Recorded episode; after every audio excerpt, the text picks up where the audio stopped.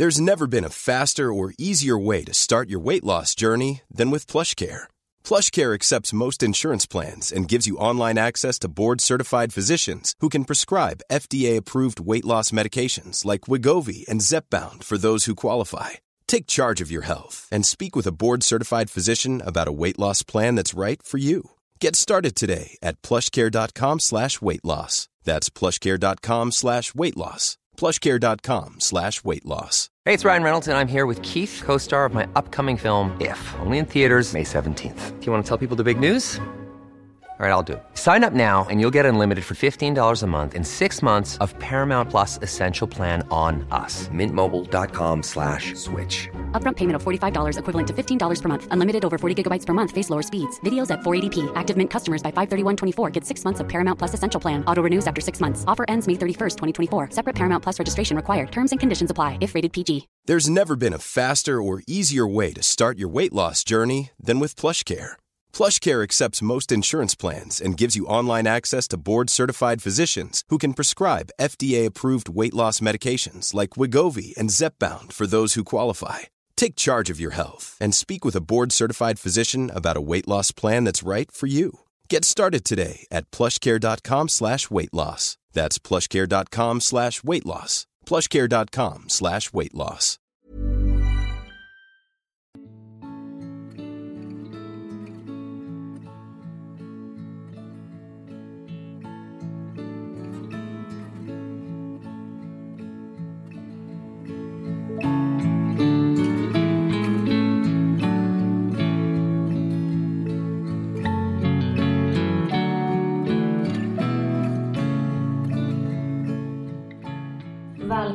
Till ett nytt avsnitt av podden Utan dig med mig Emily. Och mig Alexandra.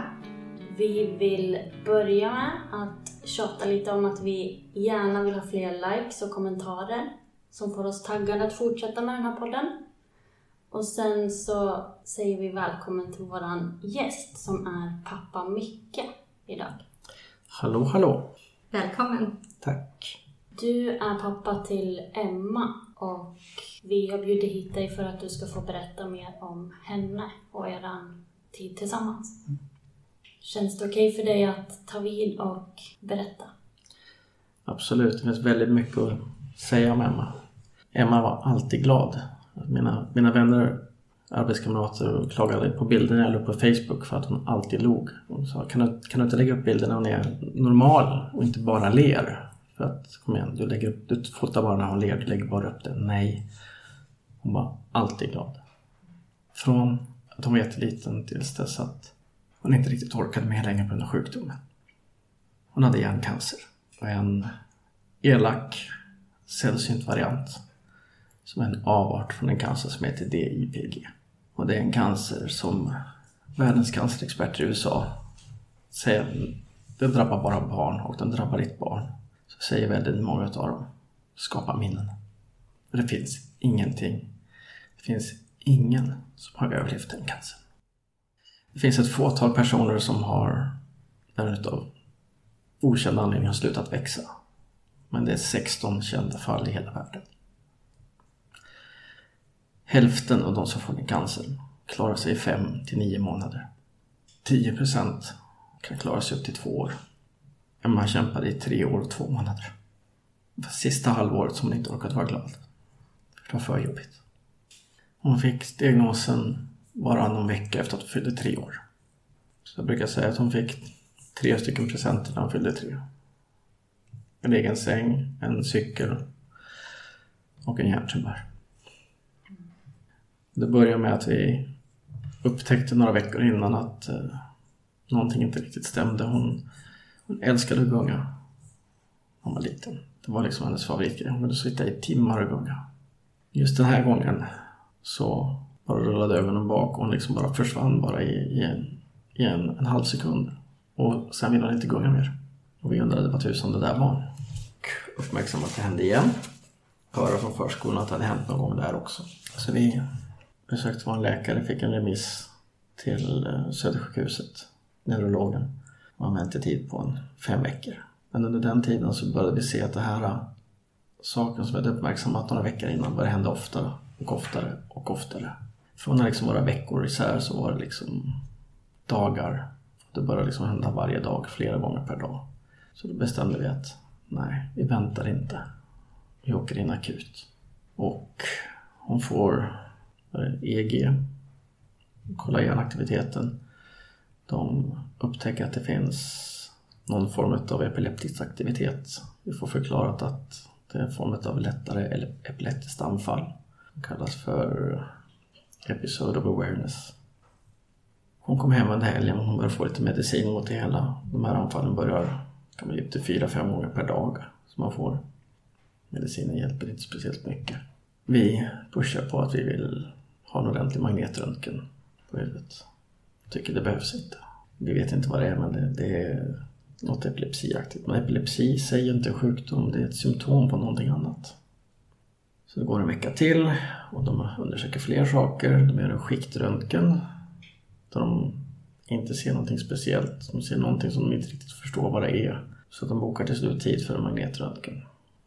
Läkaren kommer in till oss vid två tillfällen säger två gånger till vårt ansikte att det, det kan vara en svullnad av någon slags en svullnad i huvudet eller vattensamling. Men det är inte cancer. Det är absolut inte cancer. Bara för att fyra timmar senare komma in och istället säga att det är cancer. Och den är stor. Vi pratar alltså två hönsägg stor i huvudet på en liten treåring. Så det blir ambulans till Karolinska, till Astrid Lindgrens. Emma älskade att åka ambulans. Hon satt i ambulansen och bara ropade Wio, Wio.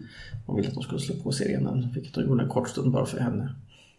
Sen så var vi tillbringade tre, tre veckor där.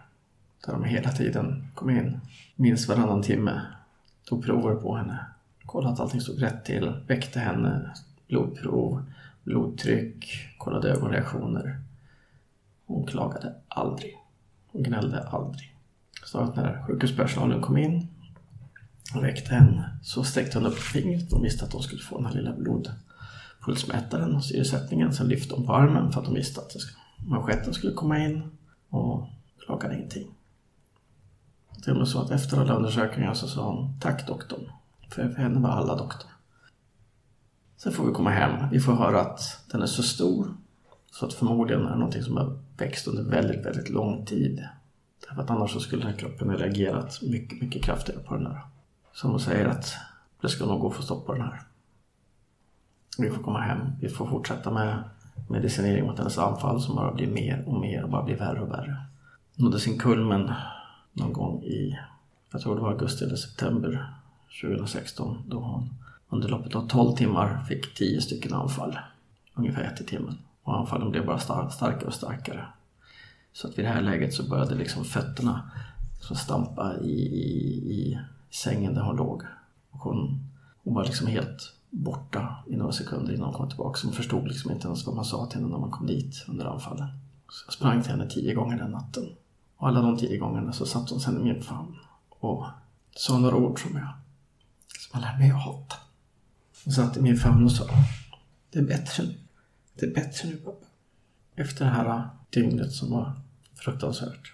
Vilket bara var två månader in. Om 38 månader lång kamp. Så började han få bukt med hennes anfall.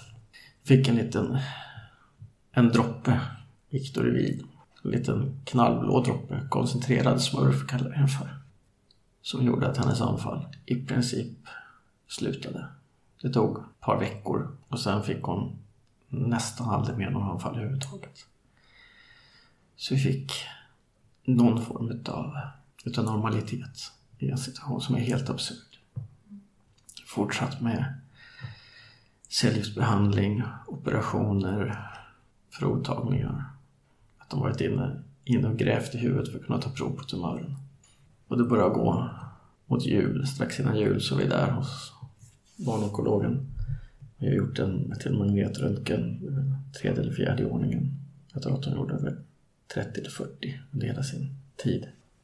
Så säger läkarna, vi har inte fått in de definitiva resultaten men om att döma på det visuellt så har den inte vuxit så det, det ser bra ut. Det, det här biter. För att tre dagar senare bli inringd igen. De säger, jag hade fel. Den har vuxit rejält. Så det är andra gången som man liksom får nyhet att man börjar slappna av för att sen bara få en rejäl, jag vet inte, luften bara går ur. Hur var det under den tiden? Höll ni på googla och läste på om andra med samma sorts cancer? Inte så mycket än för att vi hade inte riktigt fått, fått klart vad det var. Utan den information vi hade fått med att det var ett gliom utav grad 2 utav 4. Och eh, den skulle vara långvarigt växande och enligt den så hade vi en prognos på 10 år. Så att jag försökte liksom gå in med det positivt och säga okej, okay, det finns en medellivslängd här som är 10 år. Hemma är stark, det visste jag. Det innebär att vi har tio år på oss för forskningen att komma fram med någonting. Det borde inte vara möjligt. Men det var inte den sortens cancer. Det var en annan sorts hjärncancer. Som som sagt är bland det värsta du kan ha. Det var inte en långsamt växande grad 2 utan en väldigt fortväxande grad 4 cancer. De går in och så tar de ett, ett, ett nytt prov i huvudet, en ny biopsi. Där de faktiskt hittar att det är den andra sorten. Vi hade nog inte fått reda på det om de inte hade gjort den andra biopsin. För när den första gjordes så fanns inte de här proverna att de kunde ta än.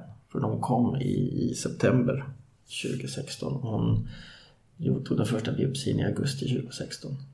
Så det var nya prover, nya rön de hade hittat helt enkelt. Som gjorde att de kunde säga att det här är en diffuse midline glioma. Vilket också jag hittade ingenting på. För att det var en ny definition enligt WHOs definition av vad cancer heter. Utbruten från den som heter DIPG. Och googlar man på DIPG så hittar man väldigt mycket. Och allt det man hittar är väldigt deprimerande. 40 år av cancerforskning har inte lett någonstans. För den är för snabb. Om du lyckas blocka, blocka den på en front så hittar den nya fronter hela tiden. Det är det enda man vet om. Så vad gör man när lä läkarna kommer och säger att vi kan inte göra så mycket. Det finns ingen bra väg framåt. Det så. Vilket egentligen är vad läkarspråk för att säga att det finns ingenting de kan göra egentligen. De kan pröva, de kan testa. Och de testar sina protokoll. Vi testar det här och ser vad som händer. Ingenting hjälper. Vi testar det här och ser vad som händer. Ingenting hjälper. Vi testar det här och ser vad som händer. Och då börjar de, då börjar de tappa förmågan att gå för att de reagerade så dåligt på den cytostatika de fick. Och det hade ingen effekt på cancer. Kunde ni då ändå fortsätta leva med det här hoppet efter att ni fick den rätta diagnosen, om man säger så? Jag var väl de närmsta två, tre veckorna efter det så var väl jag ungefär en, en våt trasa kan man beskriva mig som. Liksom från början tagit ett beslut att vi ska liksom inte vara ledsna eller gråta inför Emma. Mm. För hon är för liten för att förstå det hela. Och jag menar, det finns ju ingenting, ingenting skulle bli bättre av att vi skulle berätta för henne. Det enda som skulle kunna hända är att hon kanske skulle förstå någonting och att hon skulle bli deprimerad. Så vi tog det beslutet att nej, jag vill inte berätta någonting för Emma. Jag brukar fokusera på att göra hennes liv så bra som möjligt. Att hon var på sjukhus ofta? Eller förstod hon att hon var sjuk men inte... Nej, mm. därför att det var det hon kände till. Mm. Hon, hon, såg andra barn på sjukhuset. Hon lekte med barn på sjukhuset. I hennes värld tror vi att det var, det var en normalitet för henne. hon, hon, tyck, hon ville åka till sjukhuset. Och dagar liksom som hon sa, jag vill åka till sjukhuset. Nej, vi ska inte dit. Jo, jag vill åka säng. För när hon åkte till strålningen så åkte de ju då från nya Karolinska till Gamla Karolinska i kulverten. Det är en, halv, en kilometer i kulverten som sitter. Och hon satt upp i sängen och tyckte det var jättekul varje gång. Hon hjälpte alla sköterskorna med när det skulle spolas i hennes eh, katt. Alla sådana där grejer. Hon skulle vara med, hon skulle hjälpa till hela tiden. Hon tyckte det var kul. Hon tyckte det var så spännande. Jag var ju tvungen att försöka hitta någonting. Jag har alltid varit en problemlösare och jag försökte, jag försökte leta vad jag kunde göra. Googlade fram, hittade de bästa sjukhusen i USA. Skickade iväg för att få en second opinion på henne. Så fick jag kontakt med en annat annan svensk par som var där med, en, med sin dotter. Han har också läst väldigt mycket som, som jag har gjort. Och det fanns då en, en klinik i Mexiko som verkade kunna göra någonting. Där pratade vi alltså att för en gångs skull så såg man på röntgen att cancern faktiskt krympte väldigt många av barnen som var där. Det var barn som kom dit som inte ens kunde gå. Och efter några veckor, efter några månader så fick de tillbaks rörligheten. De började kunna gå, de började kunna agera som vanliga barn igen. Och det här är, det är bilder som jag själv har sett, personer som jag själv har träffat. Det, det, det blir, effekterna såg jag själv med egna ögon. Så vi var tvungna att åka dit. Till en stad i norra Mexiko. Och betala fruktansvärt mycket pengar. Vart sjuttonde dag för behandlingar som man inte egentligen vet vad det är. Men vi åkte dit ett halvår. Och även fast vi såg många barn som det både gick bättre för och gick sämre för. Så för Emmas del så hennes cancer krympte aldrig. Men den växte å andra sidan inte. Så vi vet inte. Delar av den behandlingen hon fick var dendritisk T-cellsterapi, vilket då är en variant utav T-cellsterapi, immunterapi som alltså fick Nobelpriset i medicin för inte så länge sedan. Eh, en variant av den. Eh, det finns två varianter. Den ena varianten funkar väldigt bra mot cancer. Eh, det är bara det lilla problemet att när den står mot cancerceller så ja, man tränar upp immunförsvaret helt enkelt. Du tar ut delar av dina vita blodkroppar och så utsätter du dem för en liten mildare varianten. Några få cancerceller som lär upp sig. Lite grann som ett vanligt vaccin egentligen funkar. Och sen när du går tillbaka in så lär, så lär de det övriga immunförsvaret hur det funkar. Men den som funkar bäst, där blir det ganska mycket svullnad när de vita blodkropparna attackerar cancercellerna. Så den går inte att göra i huvudet. Det finns inte så mycket utrymme att svälla upp där. Så det var en mildare variant. Men då har vi ett problem för våra kroppar är ganska smarta. Vi har ett biologiskt filter som sitter i nacken. Kallas för blod-hjärnbarriären. När stora blodkärlet går upp i huvudet så för att inte vi ska få in massa skräp i hjärnan som är vårt viktigaste organ så delar det här stora tjocka blodkärlet som går upp med blodet till huvudet in sig i väldigt många väldigt små blodkärl. Så att det blir ett naturligt filter. Och det är det som är problemet vad det gäller hjärn, hjärncancer och cytostatika. För du sprutar in cytostatika i kroppen och det är kanske 10% av den koncentrationen du har i ditt blodomlopp som faktiskt når upp till hjärnan. Det är därför kroppen mår så dåligt. Och här var tanken att man istället gick bakvägen med en, en kateter upp i ljumsken och går alltså mot blodströmmen upp i hjärnan. Där man då släpper ut då eh, cytostatikan. En mycket mindre koncentration för att det, det har ju som gått in bakvägen. De ska alltså stoppas ut i området där själva tumören finns. Behandlingen var extremt kostsam. Enda orsaken till att vi kunde göra den är att Emmas historia berörde väldigt många. Och tiotusentals personer hjälpte oss att komma dit och göra liksom den här behandlingen som vi gjorde. Jag insåg att vi hade en chans till att kunna försöka lösa det här. Jag behövde gå ut publikt och prata med Emma i media, tidningar, TV. Och jag behövde få hennes historia viral. Så på tre veckor jag försökte göra en plan för hur, hur ska jag göra, hur ska jag försöka orkestrera det här. Och jag förstår fortfarande inte att, att det lyckades. Storyn om, om Emma delades då minst 70 000 gånger på Facebook. Det var Expressen, det var Aftonbladet, det var Dagens Nyheter, det var Svenska Dagbladet, det var alla stora tidningar var där. Och tv-mässigt också men jag kommer inte ihåg vilka. En av de sakerna, bieffekterna som är för mig nu efteråt, att minnet är lite luddigt ibland. Jag kan tala om exakt nästan vad hon fick för medicin, när hon fick, många gånger om dagen när vi bytte mediciner. Men allt runt omkring, det, det är svårt att, svårt att komma ihåg innan. Vi var borta i Mexiko i ett halvår. Hon längtade hem, men vi försökte, vi försökte hitta ett hem där borta. Hon, hon mådde ganska bra under den tiden. Eh, tack vare då att eh, hon slutade äta kortison. Kortison var något hon behövde ha hemma för att liksom kunna vara pigg, för att kunna ha mat, lust hon blev piggare, hon blev bättre. Hon kunde sluta med kortison. Hon... Jag köpte ett litet trumset åt henne. Ett Peppa Pig-trumset som hon röjde loss på ibland. Hon gick till och med på en, en, en förskola som var engelskspråkig som tog hand om några av de barnen som var där på det här stället. Hon hade det ganska bra tills dess att vi ja, var tvungna att åka hem. Hon behövde göra en operation. Hon hade fått en shunt i huvudet vilket då för dränera ut vätskan som, som, som bildas uppe i ventriklarna. Det som blir ryggradsvätskan. Kroppen producerar fem gånger mer än vad som egentligen behövs per dygn. Tumören täppte nästan igen, klämde igen den naturliga utgången. Och så kom vi till punkten att någonting hände med den shunten när vi var där borta mot slutet. Det var inte någons fel överhuvudtaget. Det var bara någonting som, som var konstigt. Jag tror att huden utanpå där den satt inte riktigt hade läkt ihop som den skulle. För att hon gick och la sig en kväll så märkte vi att kudden var blöt. Inte lite blöt utan hyfsat mycket blöt. Om du har en infektion där med en shunt så kan du få hjärninflammation. Vi visste av erfarenhet att hjärnhinneinflammation när du har hjärncancer det är inte en bra kombination. Två av de barnen vi träffade i Mexiko hade råkat ut för det och tillbringat månader eller kanske ja, någon tillbringade bra bit över en månad, någon, tre veckor på sjukhus. Och vi konstaterade att det går inte. Det skulle inte funka om någonting skulle hända. Så att på ett dygn packade vi ihop allting vi hade i Mexiko. Jag ringde dem vi hyrde lägenheten och sa förlåt vi måste åka tillbaks. Och vi, åka, så alltså, vi åkte ett dygn efteråt. Flög vi tillbaks till Sverige. Jag behövde bara få klart från läkarna att, att det inte var någon fara för Emma att flyga. Naturligtvis, det var det viktigaste.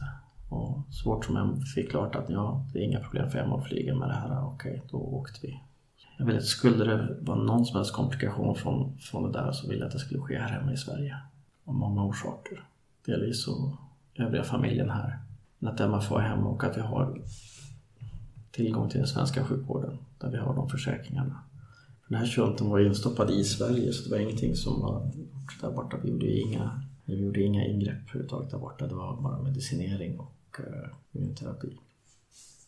Så kommer hon hem. Eh, de byter ut den här shunten mot en annan. Allting går jättebra. Onkologerna på barnonkologen är överraskad över att Emma mår så pass bra som hon gör ska de hade inte förväntat sig det. Tyder på att någonting har gått åt rätt och någonting har vi gjort rätt. Hon fortsatte må bra ganska länge.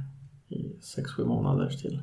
Så var den bästa tiden där då med henne för att hon mådde bra. Hon orkade göra saker, hon orkade leka. Hon kunde vara på förskolan, träffa vänner. Och sen får vi höra till sommaren igen vid 2018 att det har vuxit igen. Och då börjar man med nya behandlingsprotokoll, mera strålning, omstrålning den här gången. Och efter omstrålningen, det var då vi egentligen började se de skadorna som strålningarna har gett. Därför att hon pratade mycket sluddrigare. Hon hade ingen ork, hon var ofta trött, ville inte göra så mycket. Hon trivdes bäst att krypa upp i, i soffan och, och, titta på iPad. Försöka få med henne ut och göra någonting var svårt. Försökte hela tiden liksom hitta nya leksaker som hon tyckte om Pippi. Men då vi gick och såg en Pippi-teater ute på Junibacken. Eh, och pratade med de som gjorde det där och hon fick träffa den eh, tjejen som spelade Pippi. Det var, det var barnskådespelare. Som jag pratade med regissören som var där. Och de pratade i sin tur med föräldrarna till den där. Och vi berättade inte för den barnskådespelaren hur det var bara att det är tjej som var lite tufft som ville träffa Pippi. Och det enda gången jag sett Emma bli, bli blyg, starstruck. För det var stort för henne. Han har, har ju åkt på ett antal resor när hon har orkat med. Hon har liksom älskat Lolo och Bernie. Och ja, sen hon blev sjuk så har vi försökt åka iväg två gånger per år. Hon ska få träffa Lollo och Bernie. Hon hade Lollo och Bernie-kalas då i Sverige då Lollo och Bernie kom till och med. Men just Pippi då, då var hon, hon, hon var blyg. Hon var starstruck på riktigt. Och det var fantastiskt att fick träffa Pippi. Hon var jätteglad. Efter omstrålningen så blev hon tröttare. Mindre ork. Eh, från oktober ungefär, september-oktober, så så tog jag hand om henne på heltid sedan dess. Eh, mest beroende på att eh, min sambo hon blev av med sitt jobb. Snarare så att hon jobbade på, på sterilcentralen på Karolinska sjukhuset. Det vill säga den avdelningen som blandar cancermedicin till folk. Och det bolaget förlorade upphandlingen. Det andra bolaget som tog över.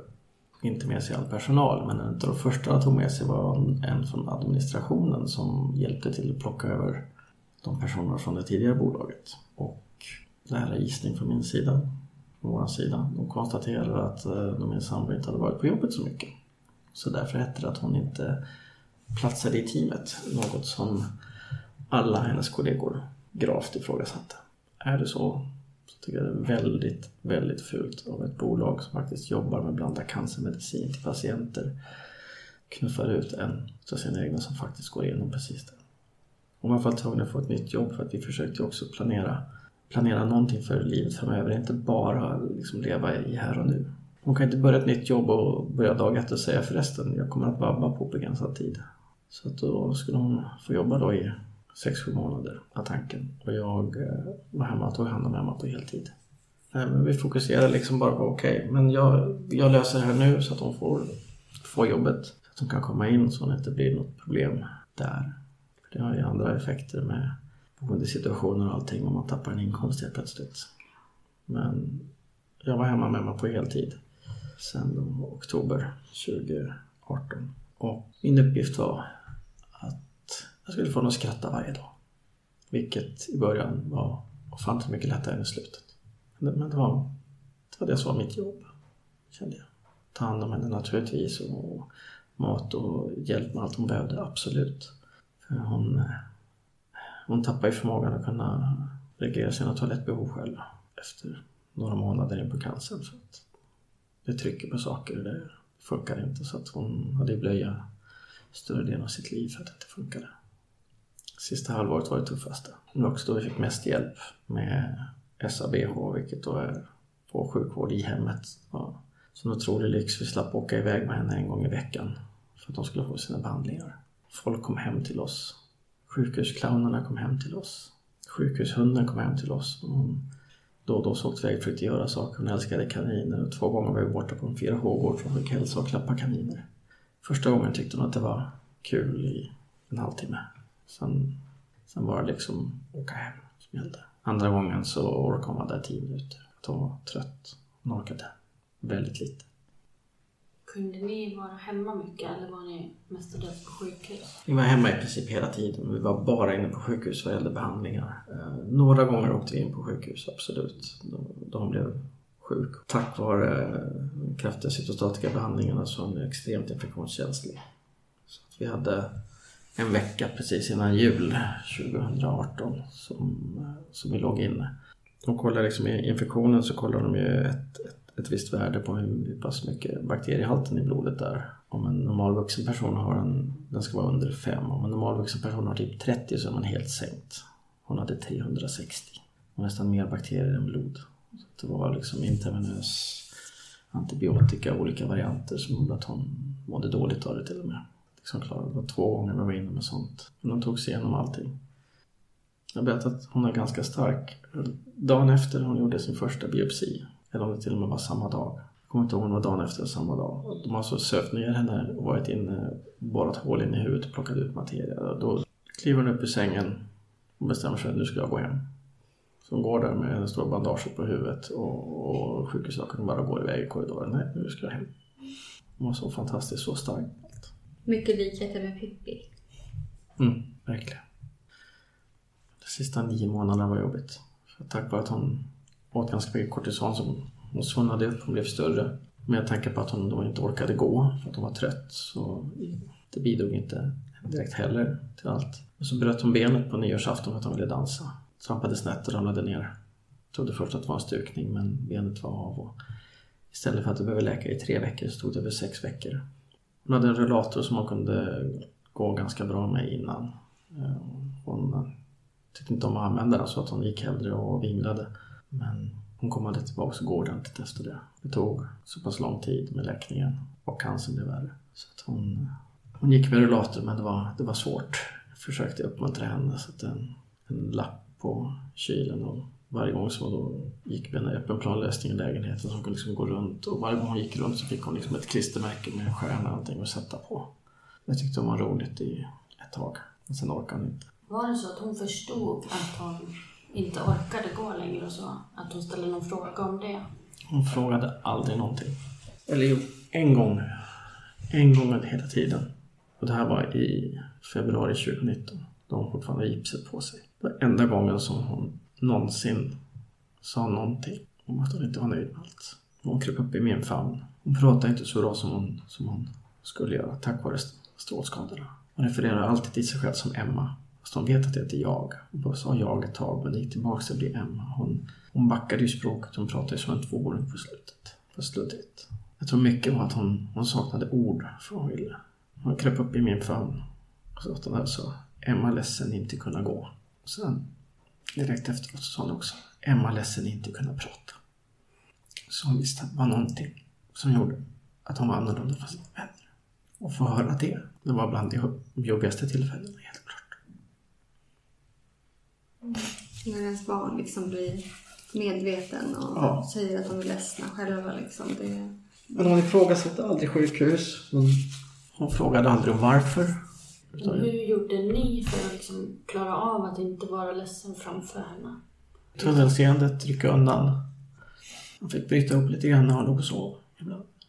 Hade ni bra stöd hos varandra? Just då handlade allting om Emma. Orkade inte prata med varandra om situationen vi var i. Jag menar, i en sån situation det är, det är bara fokus på, på problemet, inte på, inte på någonting runt omkring. Jag menar, vi har sett många som har gått isär under en sån här resa. Vi lyckades hålla, hålla ihop på något sätt, jag vet inte hur. Men allting handlar ju där då om, om Emma. Om att allt skulle vara så bra för henne som möjligt. De egna sakerna, det var liksom, det var inte viktigt. Jag hade ju en, en ganska bra karriär som artist innan Emma blev sjuk. Jag har ju jobbat både som artist och inom IT-världen. Och när hon blev sjuk så jag pensionerade mig tillfälligt från artistvärlden. För att alltså, jag kan inte planera någonting så att nej, det går bort.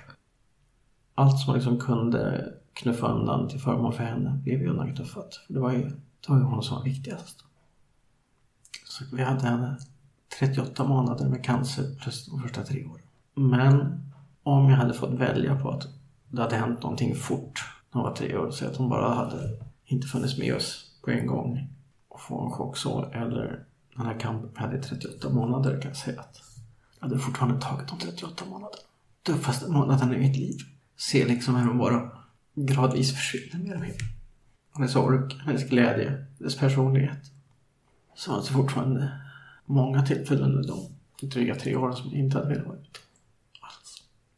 Det är klart att det finns mycket saker man kanske skulle gjort annorlunda.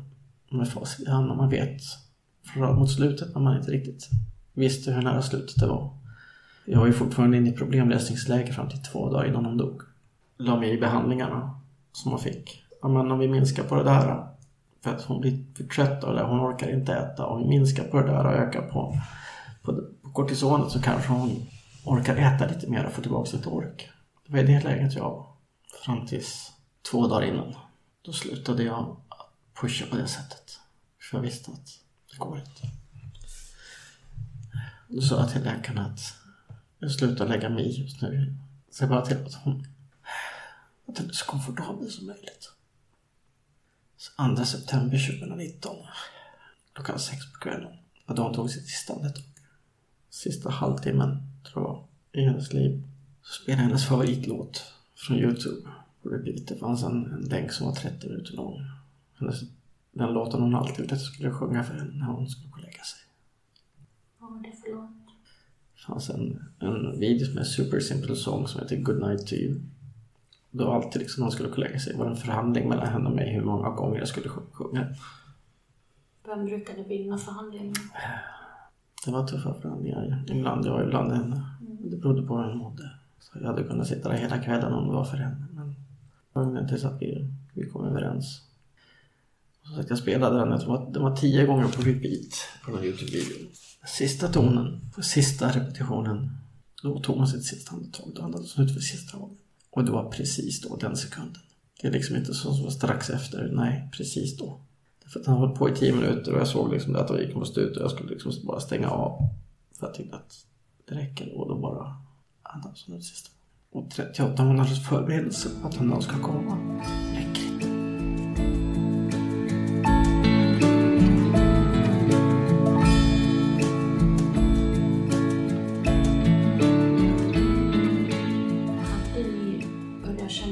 att det kanske var så pass nära?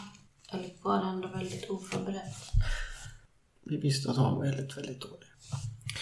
Sista två veckorna befann vi oss ju på Lilla Erstagården. Vi visste att det var nära men visste inte hur nära det var. Åkte ni dit för att ni visste att, att det var nära? Ja. Därför att vi tog ett beslut att vi, vi ville inte att hon skulle dö för vår egen del.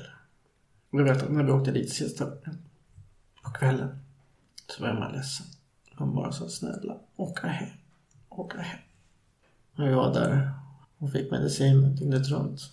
De kollade henne på natten för att hon skulle vara komfortabel. Vi hade möjlighet att få sova. Och det är den enda saken jag ångrar. Hade jag vetat att vara så nära så hade vi aldrig låtit dem ta henne och kolla henne på natten. För den att hon vaknade upp och frågade efter oss. Det fick vi höra på morgonen. Vi hade velat vara där. För de gick aldrig in och sa, sa åt oss att de frågade efter. Det var alltså någon natt innan som hon frågade efter henne. Sista tiden så låg hon bara i princip så hon fick morfin. Och det är väl den trösten som jag kan ha i det hela är väl det att vetskapen om att får du morfin så är man inte så medveten om det som är runt omkring egentligen. Så jag hoppas att hon, att hon visste att vi var där.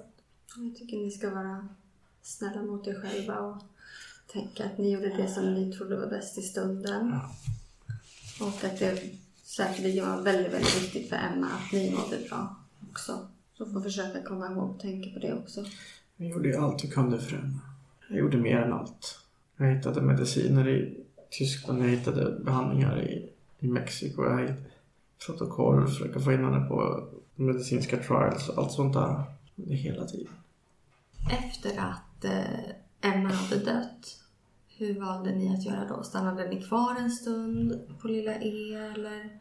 Nej, vi, vi åkte hem samma kväll. Jag åkte hem och hämtade den klänningen hon skulle ha. Vilket var här... äh, Jag kommer inte ihåg vad Madickens lilla syster heter. Elisabeth? Elisabeth, precis. Den klänningen med röd rutig med vit. Som hon tyckte om. Hon älskade klänningen. En liten tangent här, något tillfälle när jag skulle ta henne till förskolan. Då var hennes en tröja med en kanin på. Och hon bara sur slänger den över rummet och bara säger nej, jag ska ha klänning. Ingenting passade. Och då tog jag precis den tröjan hon slängde över rummet och sa, men den här kaninklänningen då? Hon, ja! Bara man kallar det för klänning så rätt. Så hon fick en klänning på sig som hon tyckte om. Som hon såg fin i. Hade ni bestämt det innan tillsammans? Och under den tiden så tog personalen på Lilla Gärdsgården hand om Emma, tvättade henne, gjorde i ordning allting. Några timmar senare kom en ambulans och hämtade henne. Vi hade ju inte förberett någonting. Det var en fråga som vi fick strax innan. Sittandes i ett rum där böckerna runt omkring en har titlar som Att dö och sådana här roliga saker.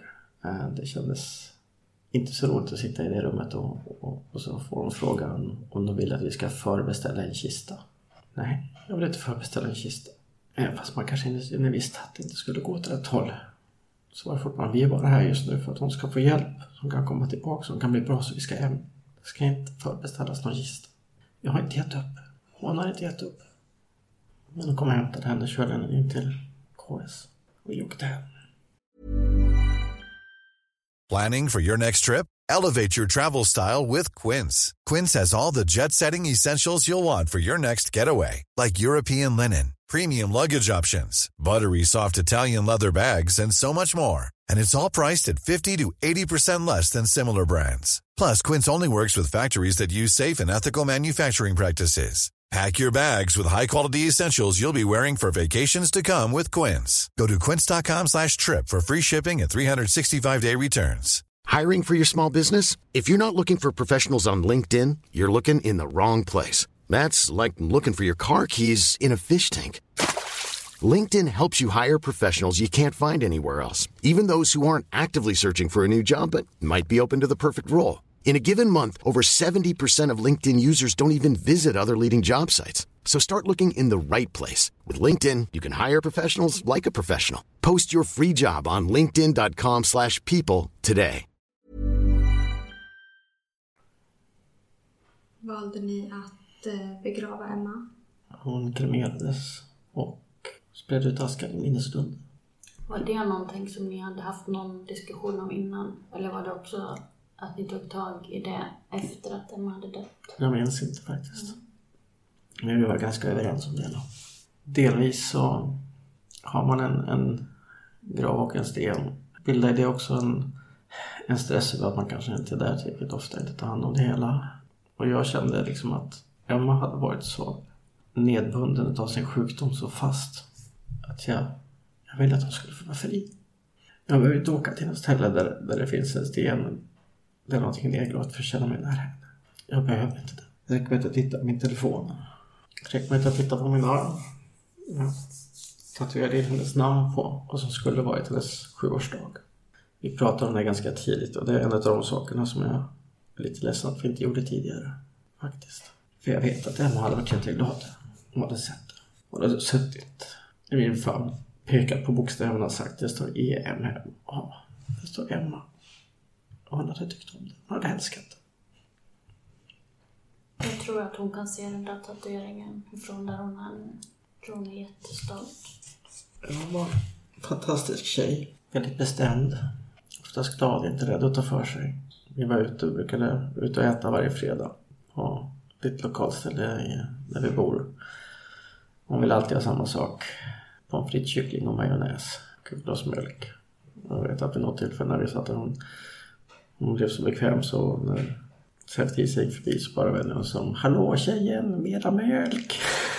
Ropade rakt ut. Och nästan alltid mera majonnäs. Eftersom att du hade ganska stort kontrollbehov låter det som, med mediciner och så. Hur var det sen när du inte längre liksom hade något sånt praktiskt att göra? Jag hade ju som sagt, det var ju min, min livsuppgift att ta hand om henne där och då. Försöka vara den som kämpade hårdast för henne.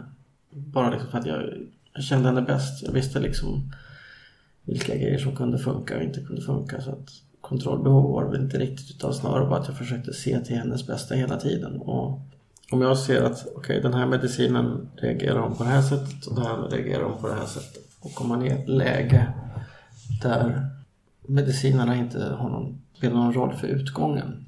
Utan det handlar om att hon ska få må så bra som möjligt. Så det är klart som tusan att jag, att jag pratade med läkaren om att okej, kan vi inte bara pröva en dag, minska på den, öka på den. Se om det har den effekten vi hade. Många gånger hade, hade jag rätt. Att det gjorde att hon fick lite ork, att hon blev lite gladare, att hon åt lite mera. Men det handlar också om att, framförallt när vi hamnar på Lilla Erstagården, många har gett upp när de kommer dit.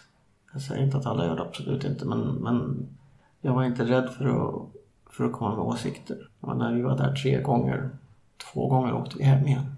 Och den andra gången så, de trodde inte att vi skulle åka hem. De trodde att vi skulle, att det inte skulle gå längre. Men det är för att när jag var där och fortsatte kämpa för henne, så hon blev piggare. Och fick en, en och en halv månad till, tror jag. Eller några veckor till i alla fall. Men efter allt det var slut, så självklart så... Jag kände liksom inte att jag hade något syfte. Det tog också, också väldigt mycket ångest, väldigt mycket tufft med allt möjligt. Jag hade väldigt mycket uppdämt tack vare att mycket av det känslomässiga jag gick igenom det. Jag bara liksom kunde få undan i ett hörn, jag har inte tid med det här nu. Jag måste fokusera, måste finnas där för Emma. Det var mycket som kom ikapp sen. Ja, ja. Närmsta veckorna efteråt minns jag inte mycket av. De två veckorna som var fram till hennes begravning, jag kommer inte ihåg någonting nästan. Jag minns väldigt få saker. Jag vet inte, alltså jag, jag tog mig framåt. Hade ni mycket stöd från vänner och familj? Oh ja. Vad tycker du var det som hjälpte allra mest? Bara att veta att det fanns folk där. Nu var vi ju ganska publika med, med det vi gick igenom med Emma. Vilket jag tror var bra därför att man fick lite förståelse från folk, man fick stöttning från folk. Däremot fick jag också vid flera tillfällen gå in och säga att fråga inte hur Emma mår för det hände, det var under perioder så fick jag frågan tre, fyra gånger per dag. Hur mår Emma, hur mår Emma, hur mår Emma? Utav folk då som då inte är i den närmaste kretsen. Välmenande människor, absolut. Men Jag var tvungen att säga det att jag lägger upp det på den bloggen när jag har någonting att lägga upp. Men fråga inte. Just därför att jag behövde liksom få lite lugn och inte bara få, få näsan över vattenytan och inte bara grotta ner mig i hur, hur dåligt eller hur bra hon, hon mår. Utan få liksom lite tid och för mig själv för att kunna ha orken att fortsätta. Kunde den här bloggen kännas som någon slags stöd eller bearbetning för dig? Eller var det mest för ger ge ut information? Det var lite grann både och tror jag. Jag menar, jag skrev ju mycket där och det var lika mycket självterapeutiskt kan man säga som till att, till att också berätta för andra hur det går och folk som har stöttat oss som, som är intresserade av att veta hur det gick. Plus att det fungerar lite grann för att, för att dokumentera processen. För det, är så att det finns ju liksom ingen, ingen manual för hur man ska gå igenom sånt här. För hur man ska hantera när man får ett sånt här beslut. Det är många som inte vågar berätta för folk vad de går igenom. Har ni haft mycket kontakt med andra föräldrar i liknande situationer? Oh ja. Det var när vi åkte till Mexiko så var det ett 40-tal andra familjer som var där. Som, man, kom från hela världen. Allt från Australien, Sverige, Tyskland, Frankrike, England, USA. Så väldigt många där. Absolut. Sen även i, i, i Sverige på onkologen hemma. Några av Emmas bästa vänner som han hade var ju, var ju barn hon hade träffat på onkologen. Och genom hela den resan som vi har gjort så vad det gäller Mexiko-delen, alla de som vi träffade på när vi var där, alla de barnen. Och det var många. Jag, gjorde, jag tog med figurballonger från Sverige dit, gjorde liksom massa, lärde mig göra massor med ballongfigurer som jag alltid gjorde åt dem när jag såg dem. Emma var den som klarade sig längst. Trots att de andra barnens tumörer krympte. De började kunna gå igen, de började kunna fungera som normala barn igen. De var nere och badade i poolen, hoppade och simmade från att de typ bara suttit i rullstol och inte rört sig när de kom dit. Men den här tumören hittade ändå ett sätt att ta sig runt. Emma var den sista kvar utav dem. Det är så många familjer vi har träffat på under hela den här resan som har samma tragiska slut som, som vi fick. Ja, det måste också göra det liksom ännu svårare när man liksom bara ser barn som dör. Är det svårt att se någon typ av så här framtidshopp då? Känner du själv? Jag var så fokuserad på att försöka komma framåt på det jag är. Det, finns ju en väldigt, det fanns ju en väldigt, väldigt, väldigt liten chans i och med att det är 16 personer, barn som sagt, som har lyckats leva med det längre tid. Den längsta har levt med det i 16 år. Tumören har slutat växa. Det, och det, det faktum att det fanns barn har slutat växa för det var det jag klängde mig fast vid. Finns det något vi kan göra för att hamna där? Finns det något vi kan göra för att komma i en bättre situation där vi är? Vi var så otroligt fokuserade i, i våran resa att absolut, vi, vi var ju absolut där och medvetna om vad, vad som hände runt omkring oss. Men, men det var fortfarande så att det var inte vi, det var inte vi där då. Vi, vi var så fokuserade på okay, hur ska vi komma till nästa steg? Allting annat, hur tragiskt det än var, var liksom, det var lite grann perifer. periferia. Absolut så fanns vi där för, för varandra, de andra familjerna, när, när det gick dåligt eller när det gick bra. Självklart. Men för dem var det samma sak. För, det var, för, för dem var det deras resa som var, som var det primära. För det är ju sitt eget som man, som man liksom måste måste leva, måste försöka ta sig framåt. Om man nu har orken och viljan och, och, och kämpa och försöka ta sig framåt och inte bara rida med på vågor av behandling och inte ifrågasätta. Kan du känna nu att livet har något slags syfte igen? Jag vet inte. Det är tomt. Precis som vi hittar liksom en, ett normalläge i, i, i att leva med cancer så har vi hittat ett slags normalläge med att leva utan Emma det är ett annat liv. Det är ett liksom, liv där det är svårt att bli lika glad. Det finns hela tiden någonting som, någonting som sätter sordin på saker och ting. Den här covid-19 situationen gör inte saker och ting bättre. Med distansering, knappt se några kollegor när man jobbar, knappt kunna gå ut och göra någonting. Jag hade ju laddat upp för tanken att 2020 skulle bli ett år då jag skulle ägna ganska mycket tid åt mig. Försöka liksom bygga tillbaks mig ett antal konserter som jag köpte biljetter till som jag ville se. Säkert sju, åtta grejer under året som jag typ tänkte att jag skulle komma tillbaks till och uppträda igen. Jag gjorde några få saker, eh, välgörenhetsgrejer egentligen, eh, efter att Emma dog. Jag gjorde en grej i november en kompis uppe i Uppsala. Pengarna gick till sjukhuset där uppe, Akademiska. Jag stod på scen i 20 minuter och gjorde min grej. Jag hade inte varit så nervös på länge Jag brukar alltid vara nervös annars. Klev av scenen och bara kände det här, det var så kul. Det där måste jag fortsätta med. För allt i mitt liv efter Emma, allt var liksom under omvärdering. Ska jag behålla det här? Ska jag inte behålla det här? Det var allt.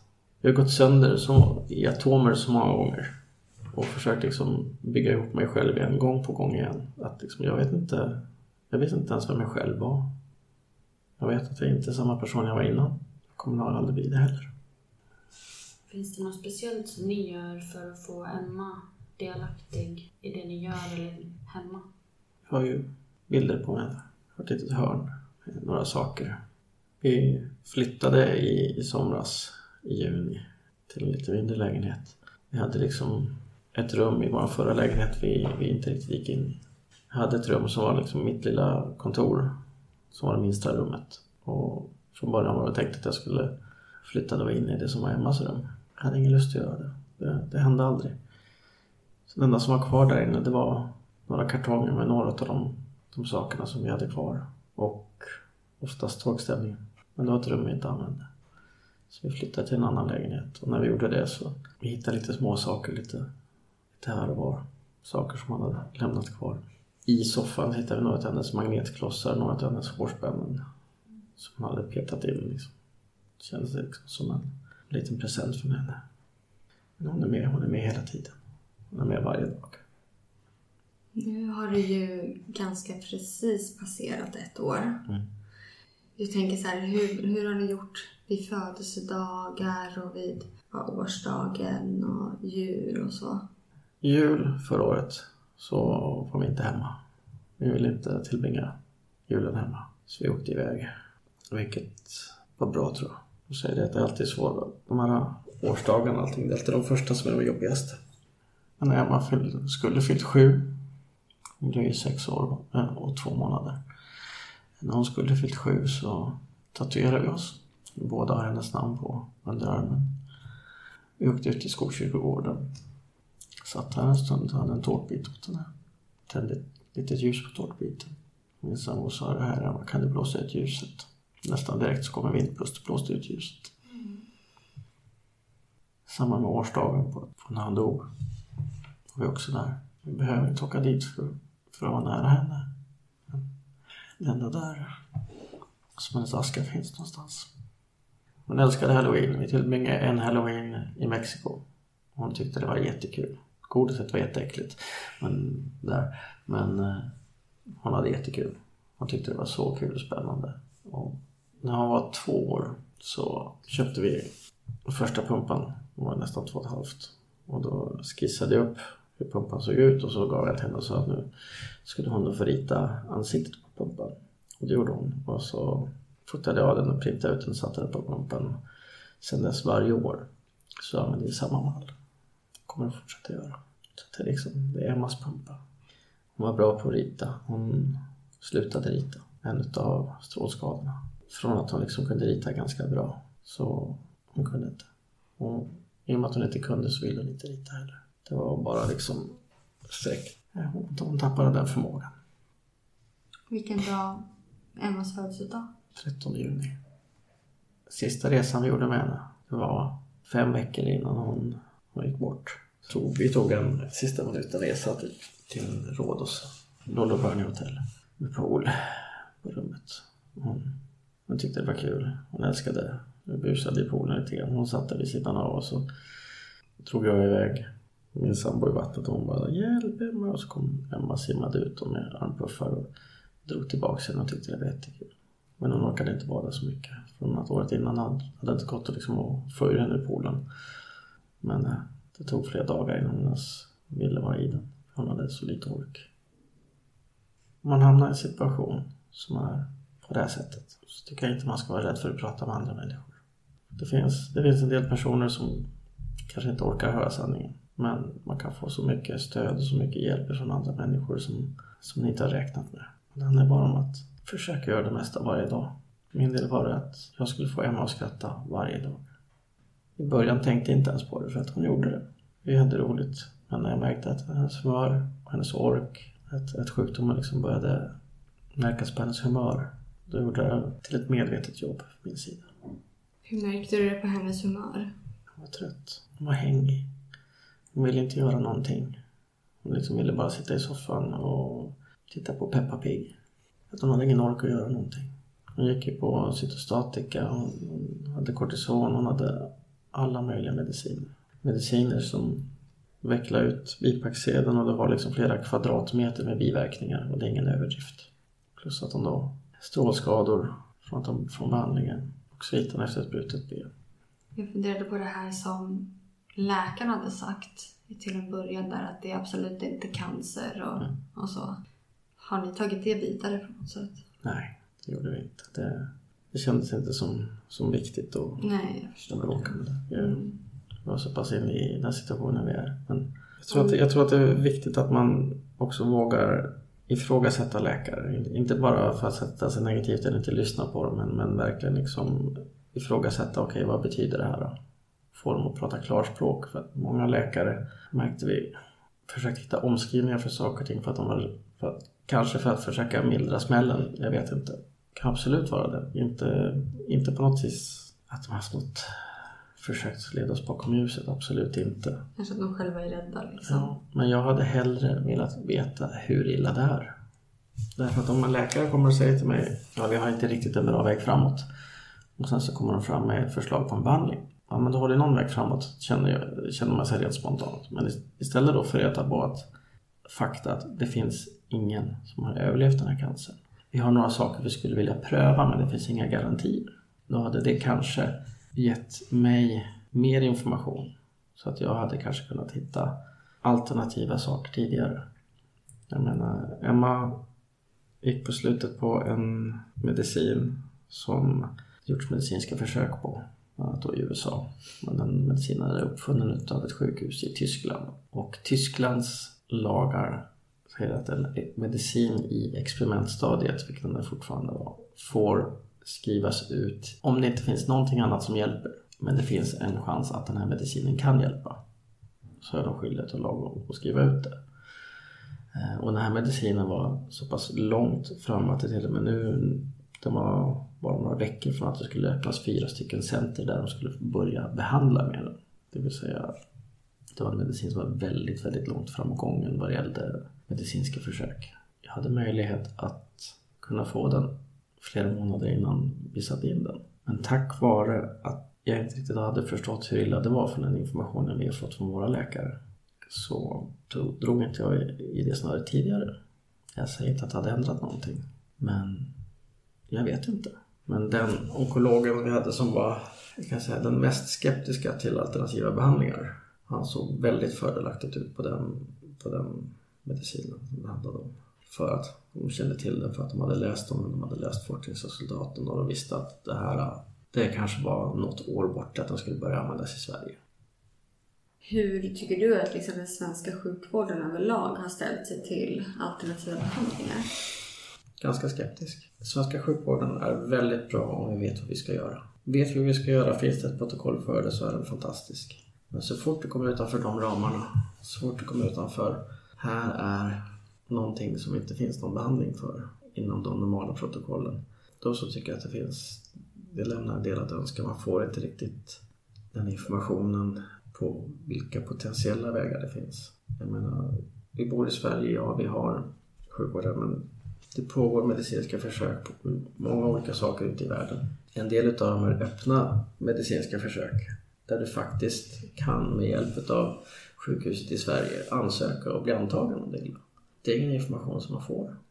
Om läkarna har en, en väg som de kan behandla så ska man absolut lyssna på dem. Men, men har de som kommit till att nej, det här är någonting som inte vi kan göra någonting åt så tycker jag att de borde kunna vara lite mer transparenta med att det faktiskt är så.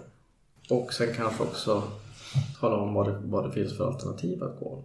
Vad det gäller då, då menar jag inte att man ska hitta icke-vetenskapliga saker. Utan man måste verkligen... Det finns otroligt mycket bedragare där ute. Köp, köp den här kristallen så kommer, och lägg den under kudden kommer cancern försvinna.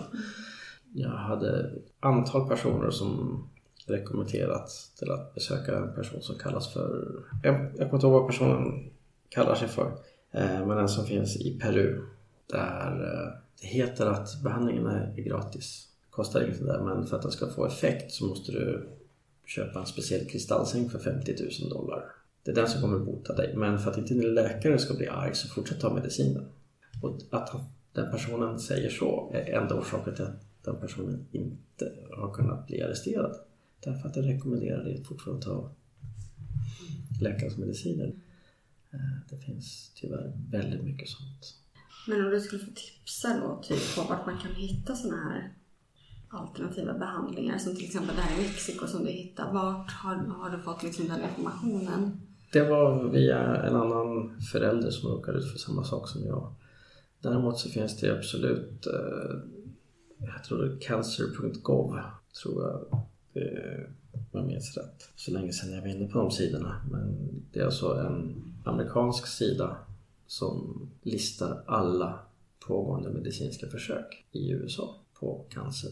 Där man liksom kan se, här har vi ett försök för den här typen av cancer där de behöver ha den här typen av patienter. Så att man kan absolut, om man är i den situationen att det inte finns någon väg framåt, så kan man hitta medicinska försök. Och det händer att en del medicinska försök görs med svenska sjukhus och amerikanska sjukhus som samarbetar. Men det gäller att man ska kunna hitta dem. Och det är inte alltid jag känner att man har fått den informationen. Så det önskar du en liksom förbättring från vårdens sida, liksom att, att de ska vara lite mer öppna till att berätta att det finns alternativa vägar att gå? Åtminstone berätta att det, det pågår medicinska försök och vart man kan hitta det. Därför att oftast så man kan bli antagen till medicinsk försök men det kanske är så att det inte det stöds utav eh, sjukvården i Sverige. Då får man behandla, betala det själv. Men om alternativet är att inte göra någonting och se ens barn tyna bort. Så det är inte ett alternativ i min värld. Men det är återigen, det är inte först man kommer till en viss punkt och att alternativen är slut. Så länge det finns alternativ så är situationen annorlunda. Har ni fortfarande kontakt med de andra familjerna som ni lärde känna? Några. Jag pratade faktiskt med en förälder på väg hit. Mm. Som var pappa till en tjej som Emma hon blev jättebra kompisar. Den tjejen eh, gick bort ett år innan Emma. Jag vet att när Emma fyllde fem så hade vi en, en stor födelsedagsfest hemma. Väldigt många vänner. Tack vare att jag har en fot i artistbranschen så känner jag jättemånga fantastiska människor. Och Emma hade en fest med Halsfred ballongprinsessan Maria Bikvist som var där gjorde jättemycket ballonger och hon vårdades för att det kom hit en popcornmaskin. Mm. En av mina vänner som är utav Sveriges bästa barntrollare, Dossi, eh, kom dit körde en show och Emma hade jättekul. Hon var lite trött då. Hennes, hennes kompis då var, var otroligt aktiv, otroligt med och otroligt glad.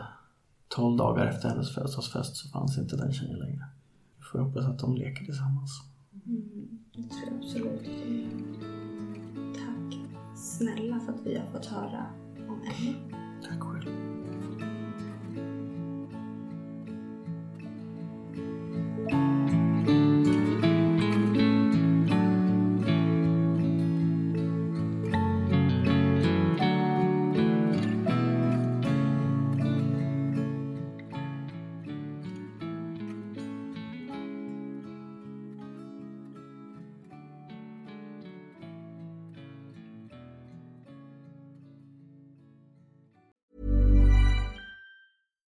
Why don't more infant formula companies use organic, grass fed whole milk instead of skim?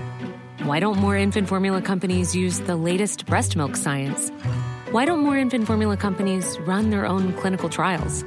Why don't more infant formula companies use more of the proteins found in breast milk? Why don't more infant formula companies have their own factories instead of outsourcing their manufacturing? We wondered the same thing. So we made ByHeart, a better formula for formula. Learn more at byheart.com. Hey, it's Danny Pellegrino from Everything Iconic. Ready to upgrade your style game without blowing your budget? Check out Quince. They've got all the good stuff shirts and polos, activewear, and fine leather goods, all at 50 to 80% less than other high end brands. And the best part? They're all about safe, ethical, and responsible manufacturing. Get that luxury vibe without the luxury price tag. Hit up quince.com slash upgrade for free shipping and 365 day returns on your next order. That's quince.com slash upgrade. Hey, it's Paige DeSorbo from Giggly Squad. High quality fashion without the price tag. Say hello to Quince. I'm snagging high-end essentials like cozy cashmere sweaters, sleek leather jackets, fine jewelry, and so much more. With Quince being 50 to 80% less than similar brands. And they partner with factories that prioritize safe ethical and responsible manufacturing. I love that. Luxury quality within reach. Go to quince.com slash style to get free shipping and 365 day returns on your next order. quince.com slash style